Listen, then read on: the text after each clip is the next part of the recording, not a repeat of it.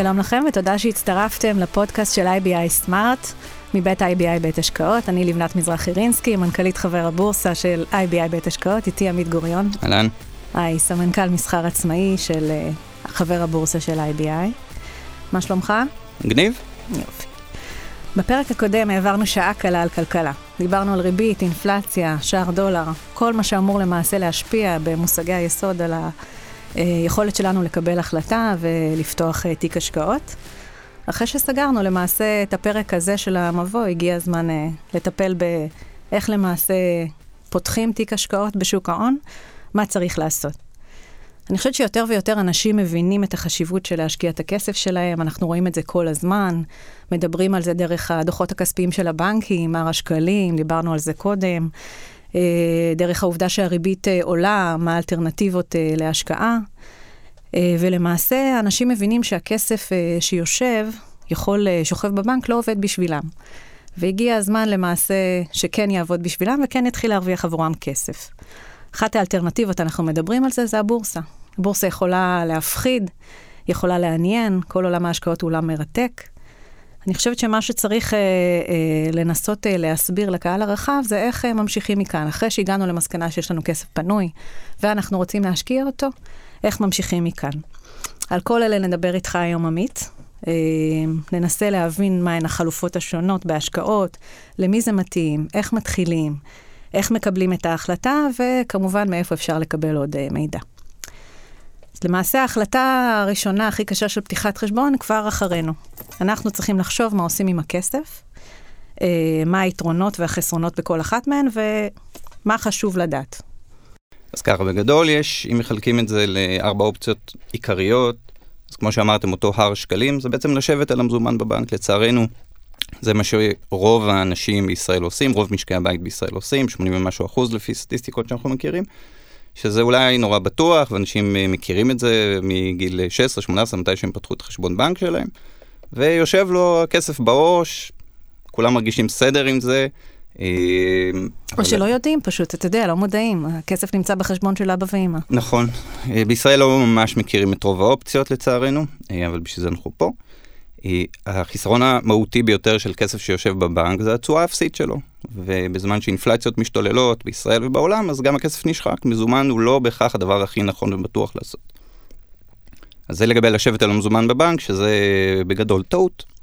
האופציה השנייה היא כמובן אה, ללכת ליועץ בבנק, אותו אה, דוד או דודה בסניף שאנחנו מכירים, אם אה, ההורים הכירו לנו אותו, מה שזה לא יהיה, mm-hmm. ולקבל ייעוץ. עכשיו זה יכול להיות ייעוץ סבבה, וזה יכול להיות ייעוץ לא סבבה. זאת אומרת, יש הרבה יועצים לא מקצועיים מספיק, אה, לא מכירים מספיק, לא יודעים מספיק מה לעשות עם הכסף, הם הולכים על בטוח, וזה בדרך כלל לא הדבר הכי נכון לעשות, מה גם שבסכומים לא גדולים אה, גם לא תקבל ייעוץ בבנק. הבנקים בגדול מצמצמים את מערך הייעוץ, אה, ולא רוצים שתקבל ייעוץ בסכומים קטנים.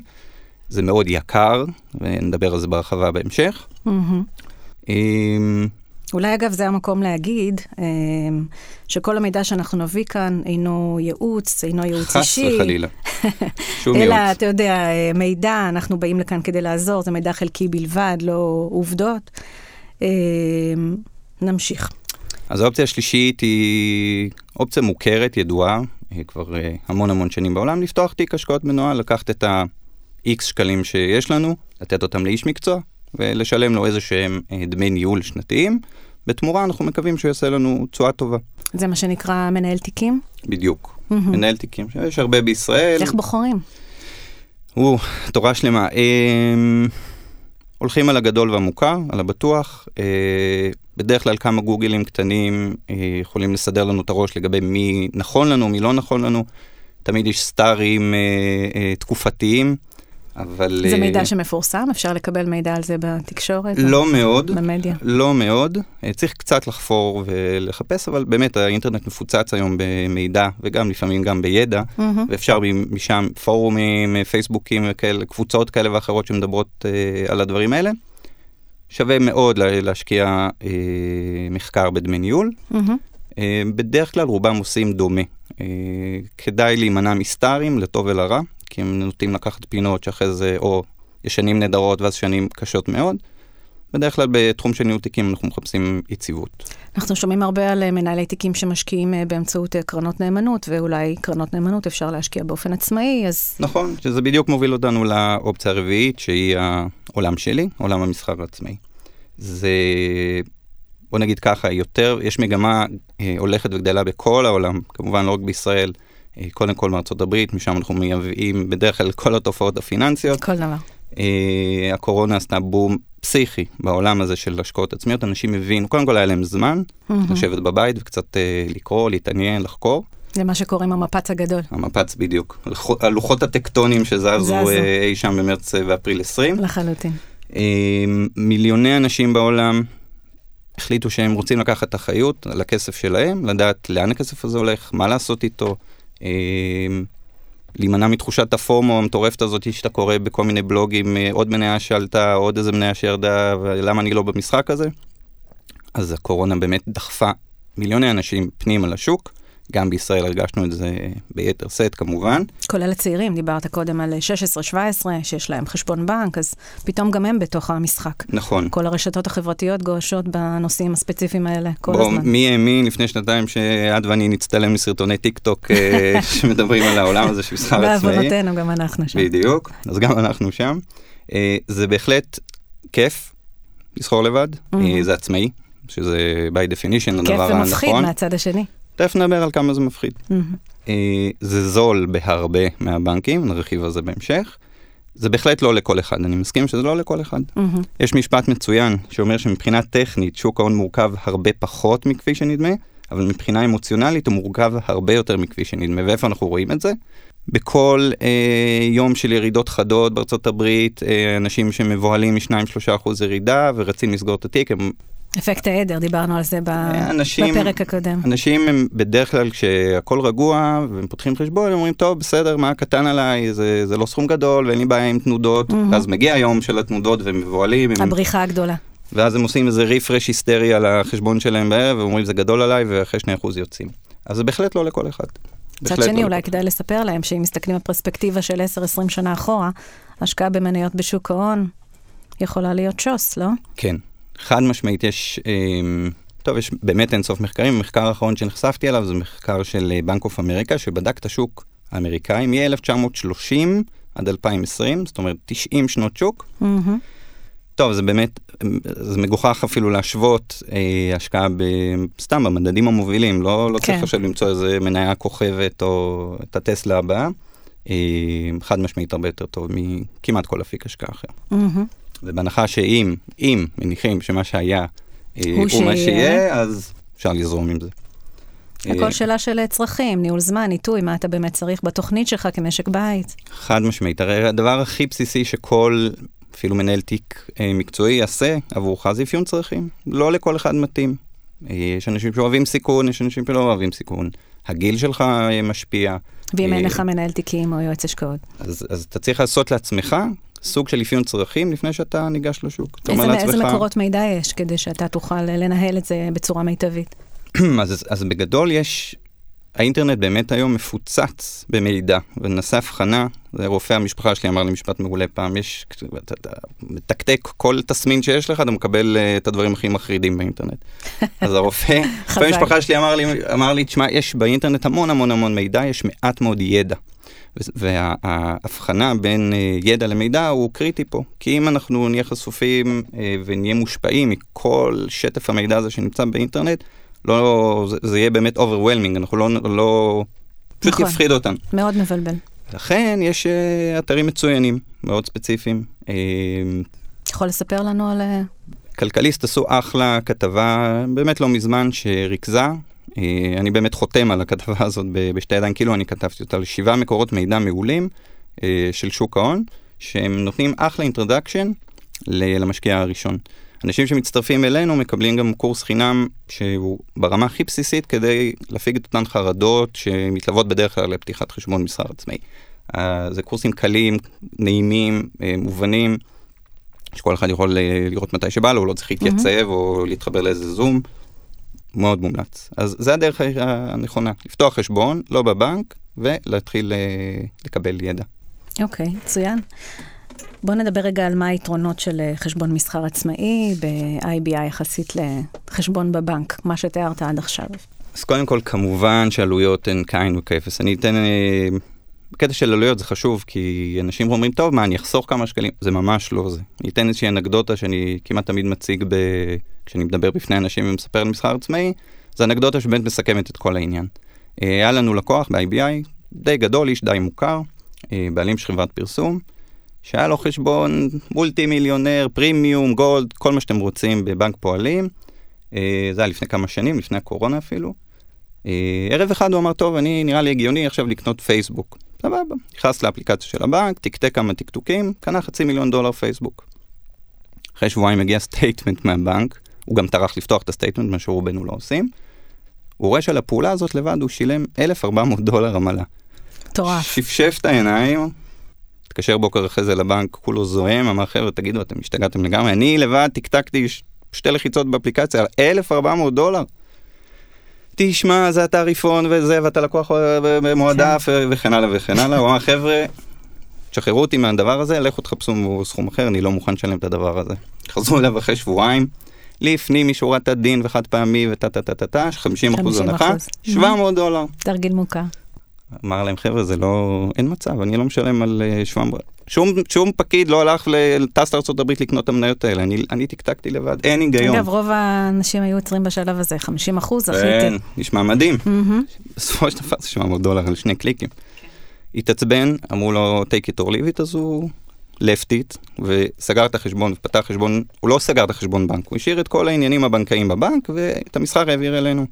על אותה פעולה בדיוק, חודשיים אחרי זה, אה, אצלנו ב-IBI, כמה הוא שילם, תנחשי, טוב, את יודעת. אני אתן לך לספר.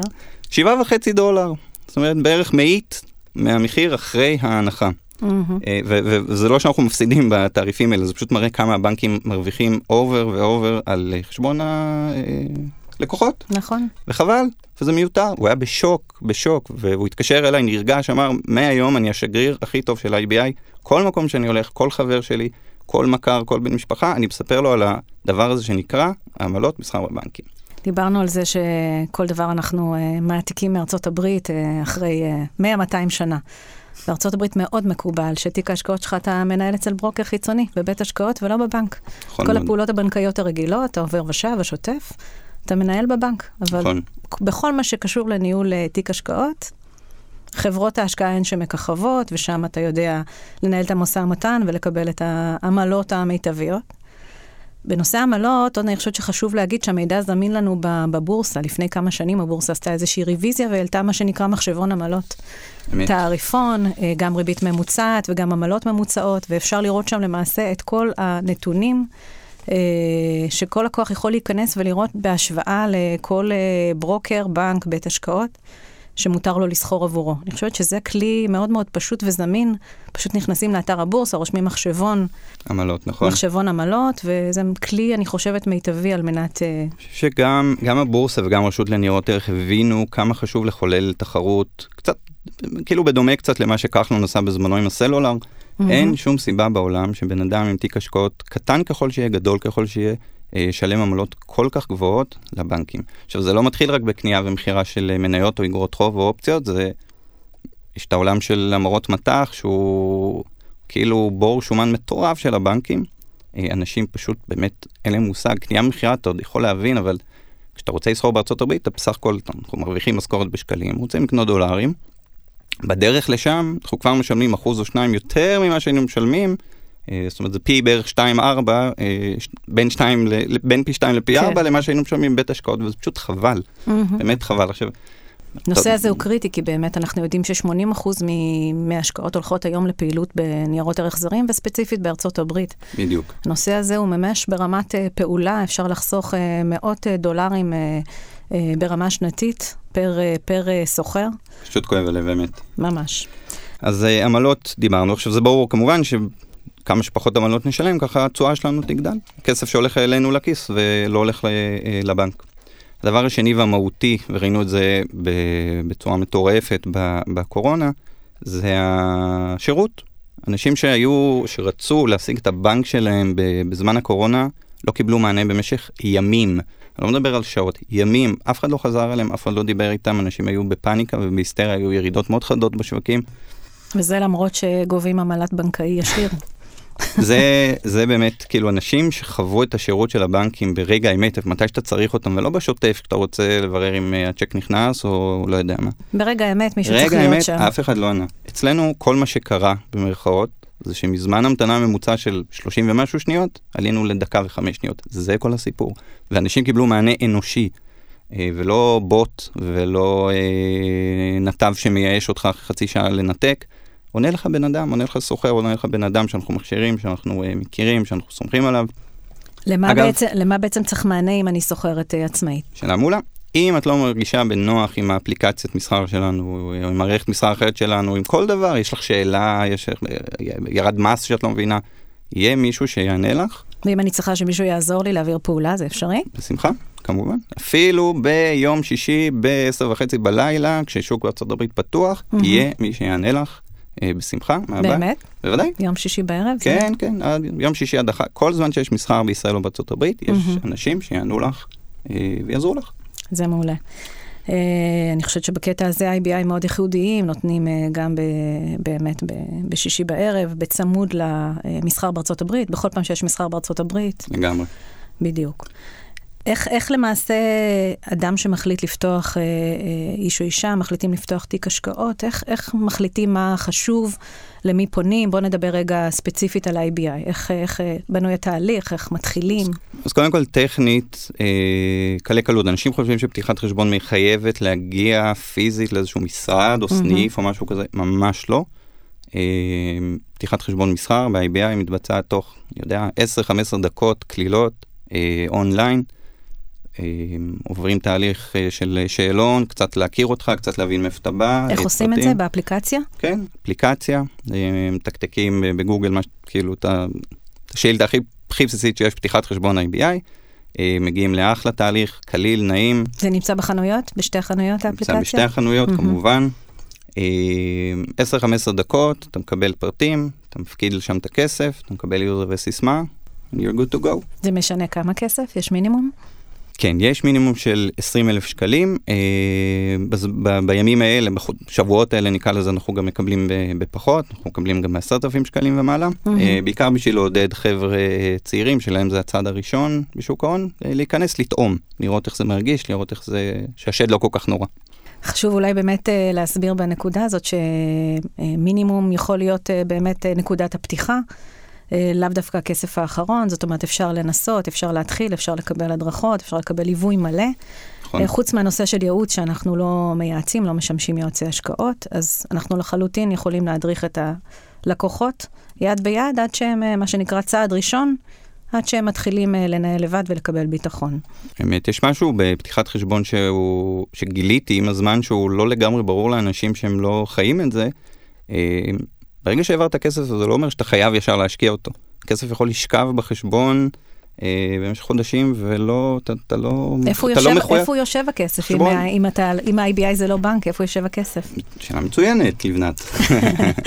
בחשבון הבנק שלנו, הבנק העיקרי שלנו של אה, IBI הוא בנק פועלים, בנק מוכר וידוע, הכסף בפועל יושב בחשבון אה, עבור לקוחות, מופרד כמובן אה, מנכסי החברה, מנכסי IBI. עבור הלקוחות. תכלס הכסף יושב בבנק פועלים. אז למעשה זה הטוב משני העולמות. אמת, יש לך ביטחון, בנק, כן? נכון מאוד. כמו בנק, אבל עם עמלות 90 אה, אחוז פחות. תשאלי מה עושה בן אדם שיש לו כבר תיק בבנק. הוא לא צריך למכור אותו ולבנות אותו מחדש בחבר הבורסה שלנו, אה, הוא יכול להעביר ממש כמו cut paste של התיק שלו אלינו, mm-hmm. הכל עובר עם העלויות, עם שכבות המס, עם כל הדברים ש... אה, ממש להעביר את התיק, להעתיק אותו אה, מהבנק אלינו. זה חשוב מאוד uh, להבהיר שוב, אז נגיד את זה שוב, לא חייבים למכור את, אם אתה רוצה להעביר לא. את התיק שלך, גם בארצות הברית, גם בישראל למעשה, אפילו באירופה. נכון. אפשר לבקש העברה, עזרה מאיתנו, איך מעבירים, באמצעות איזה uh, מתווכים, איזה ברוקרים, ואנחנו מטפלים בכל הדבר הזה מול, ה, מול הבנק. נכון מאוד, זה מאוד שכיח, אגב, זה לא איזה פעולה מורכבת מדי. אוקיי. Mm-hmm, okay. Uh, אם אנחנו מדברים קצת על מסחר בין השווקים בישראל בארצות הברית, אז מתי נפתח, מתי נסגר? אז אה, השוק בישראל פתוח מראשון עד חמישי, אה, בפועל השוק נפתח ב-10, אנחנו מקבלים שיחות לצורך העניין מתשע בבוקר כבר, לכל מי שרוצה להיערך ליום המסחר או שיש לו שאלות לפני. וביום ראשון הוא נסגר ב-4 ו-10 ובשאר הימים הוא נסגר באזור 5 וחצי. בארצות הברית אנחנו, השוק פתוח מיום שני עד יום שישי, שעון ישראל זה 4 וחצי עד 11 בלילה. כמובן יש גם pre-market ו after market, אבל השוק העיקרי, השלב מסחר העיקרי הוא בין 4 וחצי ל-11. הזכרנו במילה אחת אפליקציית IBI Smart. בואו תספר לנו קצת על מה זו האפליקציה. אז אפליקציה זה בעצם baby של, ה, של המחלקה שנולד אה, לפני קצת יותר מחצי שנה. אה, כמובן שכמו כל baby, המחשבות על הילד התחילו הרבה הרבה לפני זה. כן. אה, ראינו, הבחנו שאחד הדברים שהכי כואבים ללקוחות שלנו זה מערכת מסחר נורמלית. מערכת מסחר שבוא נגיד מיישרת קו עם מה שקורה היום אה, בעולם המודרני, כמובן בארצות הברית. Robinhood ו Ameritrade וכל הברוקרים הזרים בארצות הברית. ראינו שמה שאנחנו יודעים להציע ללקוחות הוא לא מספיק טוב, חד משמעית לא מספיק טוב.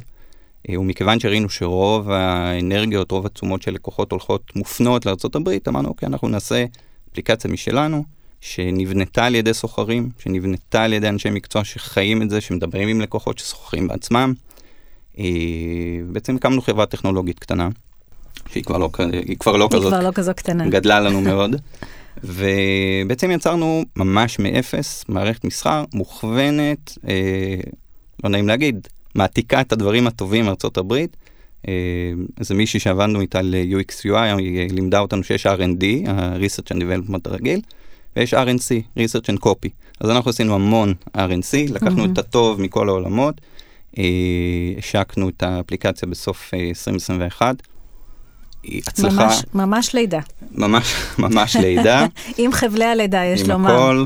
אה, זה היה מסע מטורף, הוא עדיין נמשך, אנחנו... כל הזמן, מרגע שיוצאת אפליקציה, למעשה אתה צריך אה, לטפל בה, לתת עליה שירות. בדיוק, אה, כמו כל ילד. כמו כל ילד אתה צריך לדאוג לטפח אותו. אה, מה היא מאפשרת היום, האפליקציה? וואו, מה היא לא מאפשרת? אה, אבא גאה. אז, אז קודם כל, אם מסתכלים על האפליקציה היום מול, מול איך היא הייתה כשהיא יצאה לאוויר, היא שונה לחלוטין, זאת אומרת, אנחנו כל היום מחפשים איך לשנות אותה ולהוסיף לה ולהוריד, אנחנו בקשר ישיר עם לקוחות uh, פעילים כדי לשמוע מה הם אוהבים ומה הם לא אוהבים. אז מה אפשר לעשות באפליקציה? Uh, אז כמובן לפתוח חשבון. Mm-hmm. Okay, אוקיי? זאת אומרת, אפשר להוריד אותה מבלי שום התחייבות, שום תשלום, שום פתיחת חשבון, אפשר להוריד אותה ולקבל קצת אה, מידע, קצת מידע, מידע זמן, זמן אמת, בחינם, יש לומר. מידע זמן אמת, כמובן, אנחנו לא גובים על זה כסף. גם כשאתה לקוח אה, חדש, אנחנו לא לוקחים כסף על אה, מידע זמן אמת בארצות הברית.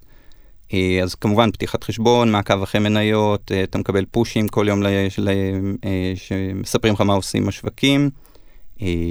אתה יכול ליצור לעצמך רשימות מעקב, אתה יכול לראות מה, איזה מניות הלקוחות שלנו שכרו הכי הרבה בחודש החולף, זה תמיד מעניין, זה אף פעם לא המניות שאתן, שאנחנו מכירים ורגילים אליהן. אה, אז ללמוד, ללמוד באמת גם מאחרים. בדיוק. סתם... הסתכלות מהצד על מי שמצליח. בדיוק. אז אתה, ברגע שאתה רואה את, ה, את הטיקרים, את הסימולי מניות המעניינות, אתה יכול להסתכל מה קרה למניה הזאת בחודש החולף ולראות האם חוכמת ההמונים באמת מדברת אליך או שאתה רוצה להיצמד למדדים לצורך העניין. יש לנו, הטמענו, אה, חלק, חלק מהדברים היפים שאנחנו עושים עם, אה, עם זה שאנחנו מפתחים באופן עצמאי, זה, זה להביא חברות פינטק שאנחנו רואים 3-4 בחודש, שכל אחת יש לה רעיון יותר חדשני, יותר מגניב, יותר סקסי, אה, להטמיע באפליקציה. אה, אז לצורך העניין לקחנו רכיב אה, בינה מלאכותית, AI, אה, כן. שמייצר לנו חדשות. אז גם, אה, גם באפליקציה יש AI, מדברים על זה היום בהקשרים שונים. אה. פה זה בא לידי ביטוי ב- בלהביא מידעים שונים, נכון? על חברות, על השווקים, ככל שניתן. כשאתה רוצה לדעת מתי מרק צוקרברג, מנכ"ל פייסבוק, מוכר או קונה מניות פייסבוק, זה מידע שיש לו המון ערך למשקיע. Mm-hmm. וזה משהו שהרכיב, נגיד, הרכיב AI אה, מספר לך. עוד רכיב מעולה שיש לנו אה, נקרא טיפרנקס, זה דירוג אנליסטים. אם, אם בן אדם אין לו את הביטחון להשקיע בעצמו, שהוא לא יודע אה, שהוא רוצה לקבל איזושהי הרחבה של הידע שלו, הוא נכנס לרכיב של טיפרנקס, הוא מקבל שם דירוג אנליסטי מכל העולם, שמספר לו, לצורך העניין, על מניית אפל, מה האנליסטים המובילים בעולם חושבים על מניית אפל, וכמה האנליסטים האלה איכותיים וטובים, אה, ופוגעים בהמלצות שלהם. אני בטוחה וגם יודעת שאנחנו נמשיך להכניס הרבה בינה מלאכותית לתוך המערכת, ומשדרגים אותה כל הזמן, אז למעשה יש לנו כבר את החשבון, יש לנו מידע, מכאן מה עושים? קונים, מוכרים, איך... אה, אה, כן, קונים ומוכרים, תלוי, ב, תלוי ביום. אה, הלקוחות החדשים שאנחנו רואים שמצטרפים בשנה האחרונה, מה שהם בדרך כלל עושים, אה, זה לא נכון להגיד בדרך כלל, אבל בוא נגיד שזו תופעה שכן אני רואה בכמות גדולה, זה אנשים שדווקא קונים מדדים ולא מניות ספציפיות. אה, זה כל מיני בוגרי אה, בלוג הסולידית, שאם מישהו לא מכיר, אני מקווה שמכירים, אבל מי שלא מכיר, אני מאוד ממליץ. שווה. שווה מאוד, בדיוק. חכם מאוד. בהמשך למקורות המידע שדיברת עליהם קודם. חד אז... משמעית, פתוח, חינמי, אה, נגיש, ציבורי, בלוג הסולידית, שמספר על אנשים איך, אוקיי, אוקיי, יש חשבון, יש כסף, מה עושים עכשיו? אז משהו שאנחנו רואים הרבה זה אנשים שקונים תעודות סל מדדיות. קונים אה, נסדק, קונים S&P, קונים תל אביב 35. אולי נסביר קצת על uh, סוגי מכשירים. למעשה צללנו מיד למניות, קרנות, תעודות סל, בואו נעשה טיפה סדר מה זה כל מכשיר, ממש ככה, אתה יודע.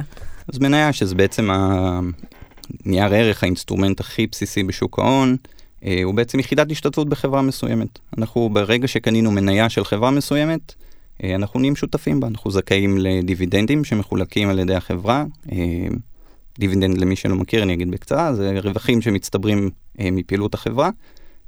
החברה פעם ברבעון, פעם בחציון, פעם בשנה, מחלקת את המזומן הזה אה, לכל אה, הבעלים שלה.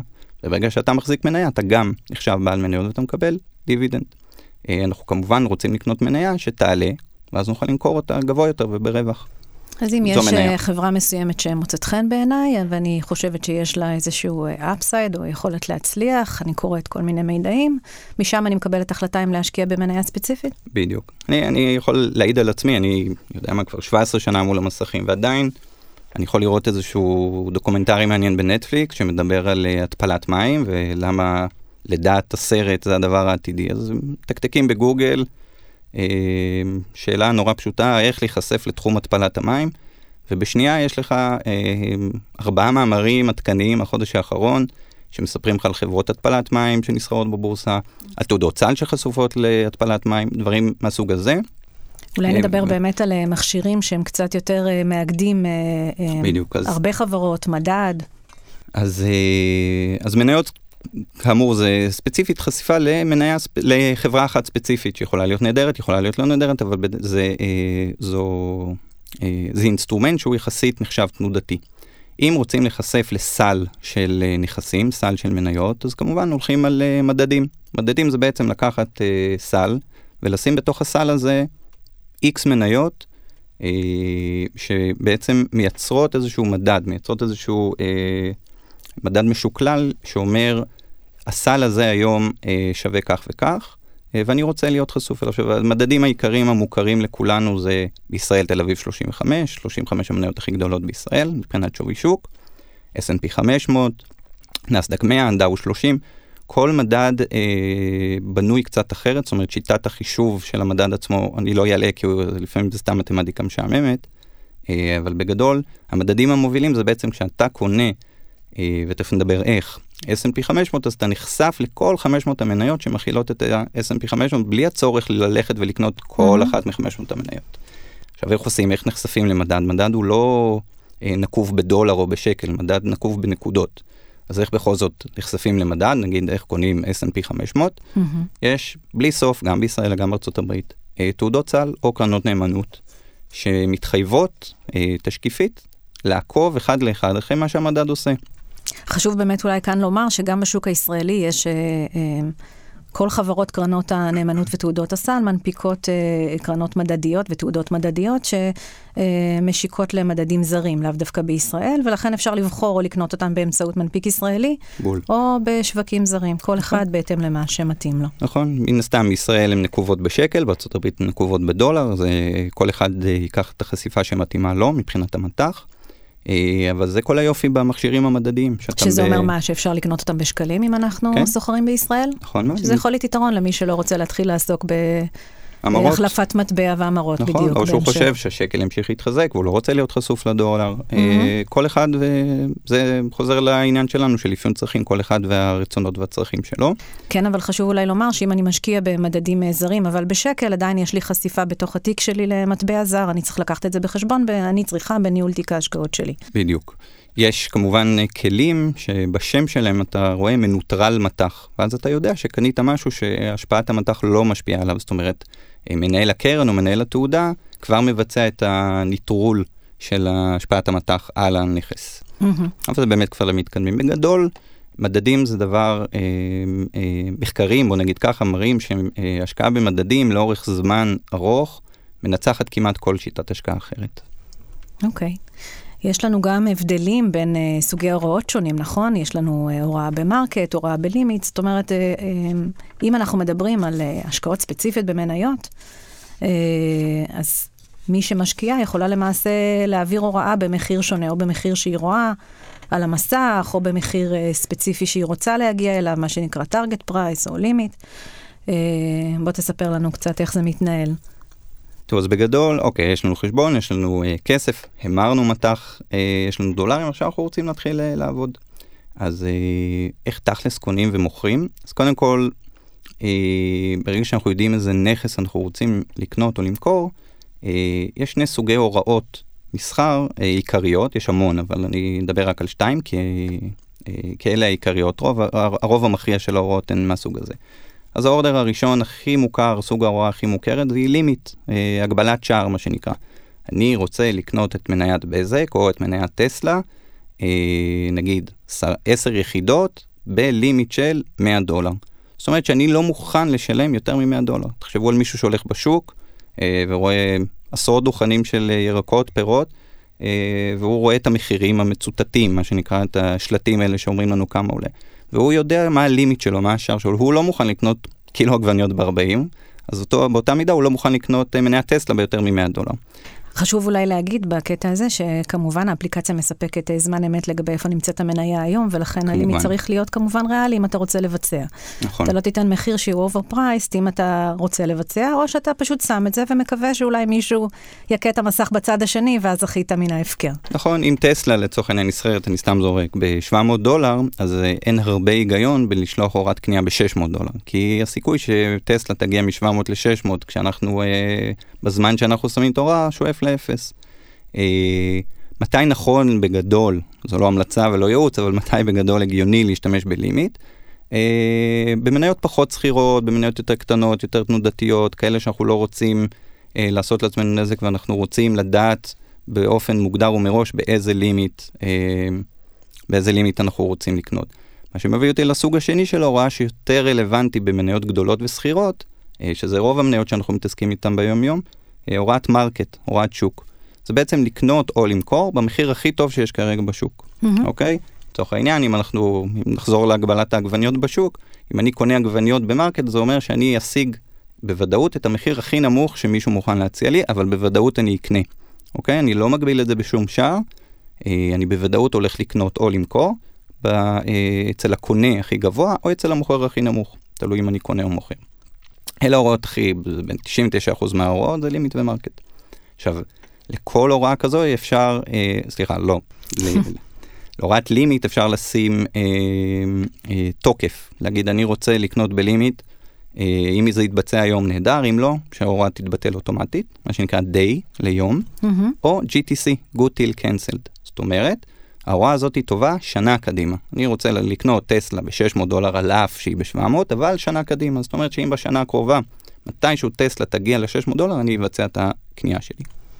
על מנת שלא נעמיס יותר מדי על המאזינים שלנו בנושא. מושגי, אה, מושגי שהם כן, קצת אפשר מעבר ליסוד, אפשר שעות. לדבר על זה שעות. אז גם נגיד שכל מה שאמרת עכשיו ותיארת, יש לנו בתוך האפליקציה בילטין לגבי סוגי הוראות, ממש הדרכה מאוד uh, ככה מדריך למשתמש כשנכנסים לאפליקציה, ומעבר לזה יש לנו הדרכות, גם שוטפות וגם בילטין בתוך האפליקציה, שמסבירות כיצד לסחור, איך לסחור, מונחי בסיס וכולי. נכון מאוד. Uh, למעשה, עד היום, עד עכשיו, עד לרגע זה, ציירנו איזושהי תמונה ורודה של אה, שוק עולה, של נכנסים, של קונים, של מרוויחים.